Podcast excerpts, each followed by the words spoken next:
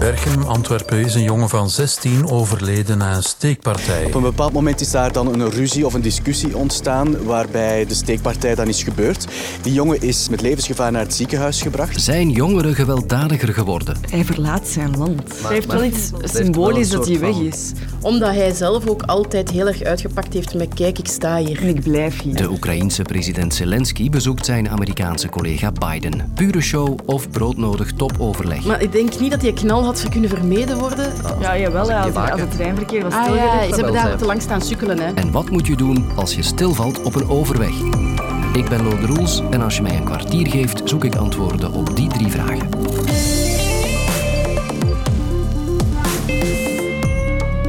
We waren vanochtend al begonnen aan het uitwerken van de onderwerpen en de interviews van dit kwartier toen plots dit nieuws binnenkwam. 10 uur, goedemorgen. VRT Nieuws met Sophie Verbrugge.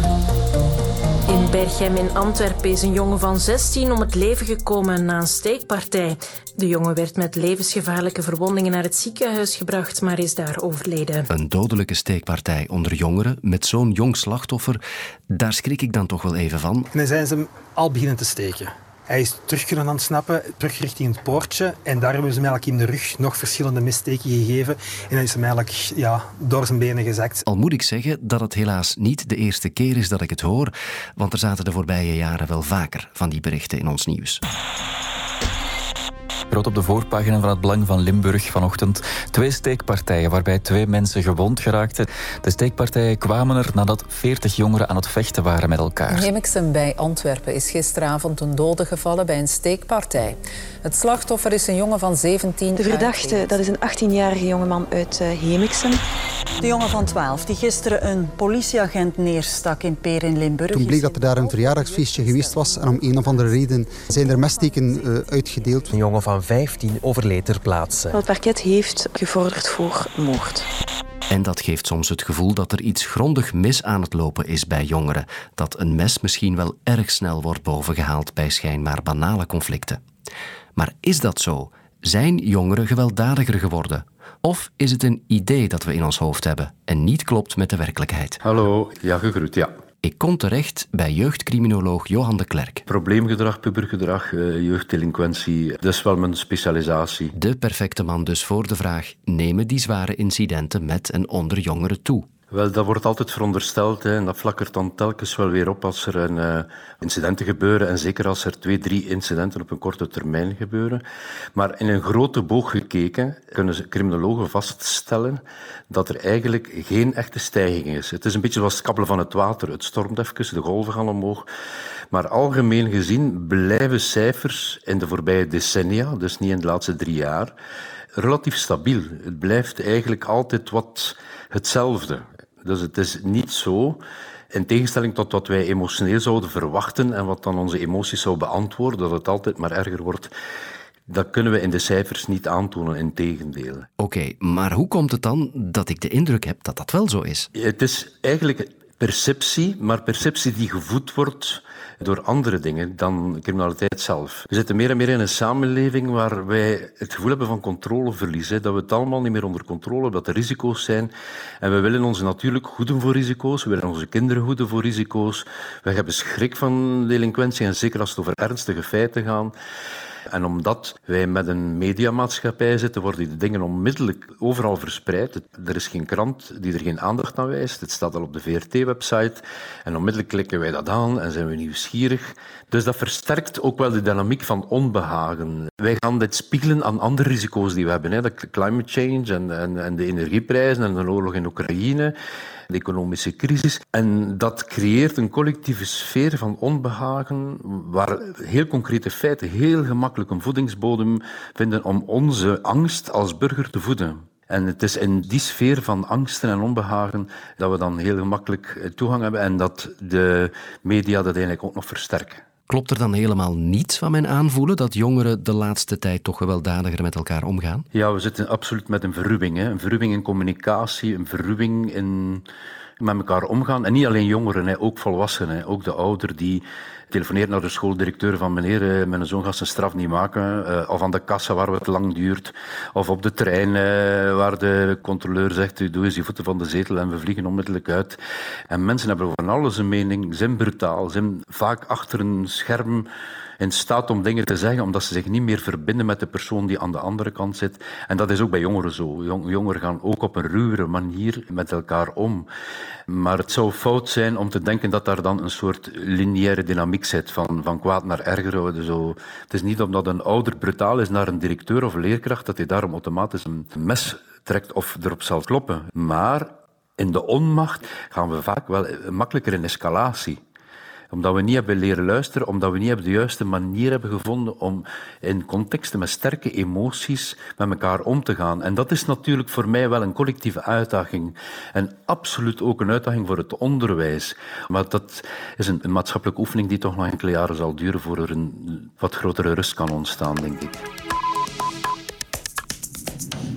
De Oekraïense president Zelensky is op weg naar Washington voor een bezoek aan de Amerikaanse president Biden. In de vooravond wordt hij daar verwacht. En dat bezoek is opmerkelijk, want het is de eerste keer dat Zelensky zijn land verlaat sinds Rusland Oekraïne binnenviel eind februari. Al in de eerste uren van de invasie wilde Zelensky aan zijn burgers en de wereld tonen dat hij niet gevlucht was. Dat moet blijken uit een filmpje dat hij verspreid heeft via sociale media. Op de beelden zien we Zelensky buiten op straat in de regeringswijk van Kiev. Всім добрий вечір. Лідер фракції тут. Premier-minister Шмигаль тут. We zijn allemaal nog hier, zegt hij. Ikzelf, de eerste minister, de voorzitter van het parlement en de hele regering. We blijven hier en verdedigen onze onafhankelijkheid, klonk het. Slava Oekraïne. Sindsdien bleef Zelensky dus op Oekraïnse bodem. Tot vanochtend vroeg. We are getting some breaking news in right now from Fox News Capitol Hill correspondent Chad Pergram. We are learning uh, that the Ukrainian president Volodymyr Zelensky will physically be in Washington. Sources telling CNN that plans are underway for Ukrainian President Volodymyr Zelensky to visit the White House. President Zelensky is expected to meet with President Biden at the White House. Hoe moeten we dit bezoek nu inschatten? Mijn naam is Laurien Krump en ik ben uh, geaffilieerd onderzoeker in internationale betrekkingen aan de Universiteit Utrecht. Is dit pure show of broodnodig topoverleg? Ik denk dat het een combinatie van beide is. Dus ik denk dat het enerzijds uh, show is om ook een uh, duidelijke vuist te maken tegen uh, Rusland en te laten zien dat de Verenigde Staten en Oekraïne echt de, krachten bundelen. En anderzijds denk ik dat het voor Zelensky ook nodig is, want om het vol te houden moet de steun van de Verenigde Staten verzekerd blijven. Er wordt nu ook gesproken over het zoveelste steunpakket. En dit is natuurlijk een heel geëikte manier voor Zelensky om te zorgen dat in dat congres in de Verenigde Staten uh, iedereen die steun aan Oekraïne blijft toezeggen en dat dit ook niet het laatste steunpakket wordt. Op dit moment heeft uh, Zelensky al de toezegging van de Patriot raketsystemen. Dat is heel erg belangrijk voor Oekraïne, maar dat soort steun zal hij ook op de lange termijn uh, nodig blijven hebben. En wat hij in zijn optiek ook nodig heeft, is uh, dat Washington een heel duidelijke vuist maakt richting Moskou. En uh, ja, dan is natuurlijk naar de VS afreizen voor het eerste buitenlandse bezoek 300 dagen na de invasie. Dat is natuurlijk een hele krachtige manier om die steun en ook om de twijfelaars in het congres mee te krijgen en om die steun te verzekeren. Waarom zijn die Patriot-raketten zo belangrijk voor Oekraïne?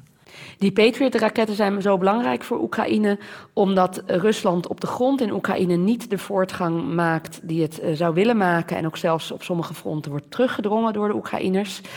Daarom kiezen de uh, Russen ervoor om via de lucht Oekraïne steeds aan te vallen en door heel Oekraïne heen ook de energieinfrastructuur te raken, zelfs tot aan Kiev, de hoofdstad, aan toe.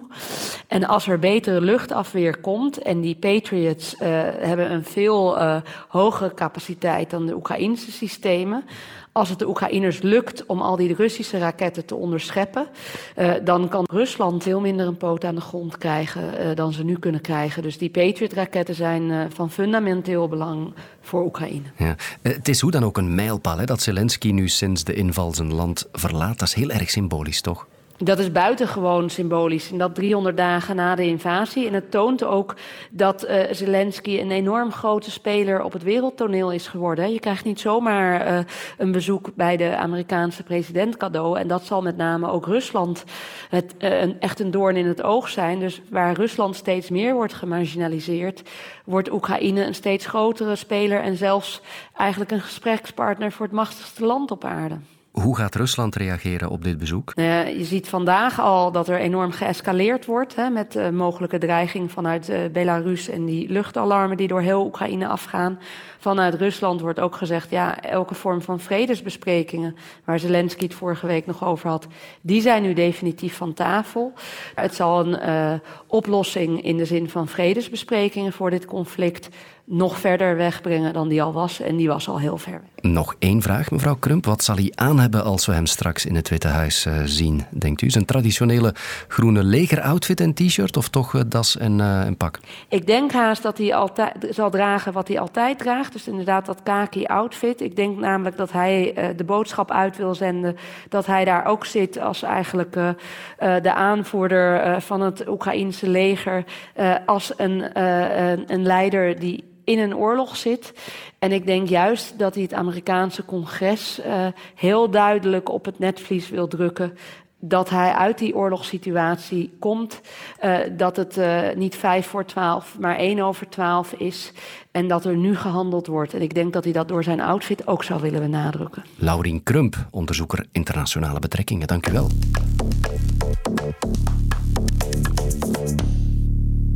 Ik wil je nu iets vertellen over een filmpje dat perfect zou thuishoren op een Amerikaans YouTube-kanaal met de titel Craziest Videos Ever. I really am about to show you the most incredible moments ever caught on camera. Maar de beelden waarover ik het heb zijn hier bij ons gemaakt, in Ardooien, West-Vlaanderen. Misschien heb je het intussen ook al gezien. Het is een video zonder geluid, enkel beeld dus, en niet superscherp. Je ziet een overweg en een grote witte vrachtwagen die stilstaat op de sporen. Verschillende mensen lopen heen en weer rond en voor de vrachtwagen om hem in beweging te krijgen, maar dat lukt niet. En dan zie je de slagbomen van de overweg traag naar beneden gaan. Nog voor je het ziet, voel je aan wat er zal komen. En dan het onvermijdelijke. Terwijl de omstaanders wegrennen, verschijnt rechts in beeld een passagierstrein die aan hoge snelheid de flank van de vrachtwagen ramt. Minder dan een seconde later vliegen overal brokstukken in het rond, meters ver. De vrachtwagen is letterlijk aan flarden gereden. Het is een indrukwekkend beeld, maar het is natuurlijk ook echt gevaarlijk. Niemand zat nog in de vrachtwagen, maar in de trein raakten wel vier mensen licht gewond, waaronder de machinist. En laten we eerlijk zijn, de gevolgen hadden veel erger kunnen zijn. De vrachtwagen stond vast op een overweg omdat die pech had. En goed, dat kan natuurlijk iedereen overkomen.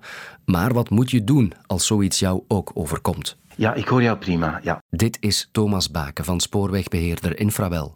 Hij legt in twee simpele stappen uit wat je moet doen als je ooit komt vast te zitten op een overweg. Stap 1. Het allerbelangrijkste wat je moet doen als je met je voertuig vast komt te zitten op een overweg, is je voertuig verlaten en je op veilige afstand uh, plaatsen. Dus dat wil zeggen dat je eerst aan jezelf moet denken. Hè. Dus je moet zo ver mogelijk van je voertuig wegraken. En stap 2. Dan is het de bedoeling dat je zo snel mogelijk naar een van de overwegpalen gaat. En op die overwegpalen, het zijn die palen waar dus die lichten op hangen, daar hangen ook stickers. Dat zijn zeg maar een soort van identiteitskaarten van de overweg. Wat staat daarop? Daar staat nummer van de hulpdienst op, bijvoorbeeld de 112. En als je daarnaar belt en je geeft alle info die op die sticker staan, dan weten zij meteen waar je je bevindt. Dus wat staat er op die sticker? Daar staat de spoorlijn op, de nummer van de overweg, de straatnaam, de gemeente. En als je dat aan de hulpdiensten geeft, dan kunnen zij op hun beurt rechtstreeks contact opnemen met onze verkeersleiding. Ze hebben een rechtstreekse lijn. En als onze verkeersleiding die concrete informatie krijgt, dan kunnen zij zeer gericht daar lokaal waar het probleem zich voordoet, treinverkeer stilleggen. En op die manier kan je hopelijk een ongeluk of een aanrijding vermijden.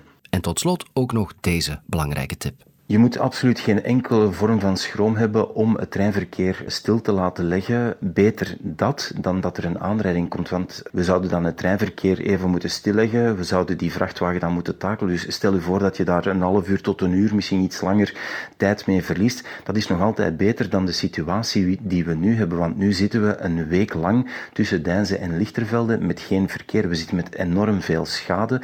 Dus dat had allemaal kunnen vermeden worden mocht er alert en snel gereageerd geweest zijn. Dus beter dat doen, snel reageren en het treinverkeer laten stilleggen en absoluut geen schroom hebben om dat in gang te steken, zeg maar. Dat is veel beter dan de situatie waar we nu mee geconfronteerd zijn, waardoor dat er een hele tijd uh, geen treinen zullen kunnen rijden en er enorm veel schade is aan de infrastructuur. Dus uh, dat had kunnen vermeden worden. Hopelijk overkomt het jou alvast nooit stilvallen op een overweg. Mocht het er toch van komen, dan weet je nu perfect wat te doen. Morgen drie nieuwe verhalen in het kwartier. Graag tot dan. Luister ook naar Thank You Boomer, waarin Thibaut Christiansen uitzoekt welke artiesten we echt tijdloos mogen noemen. Nu in de app van VRT Max.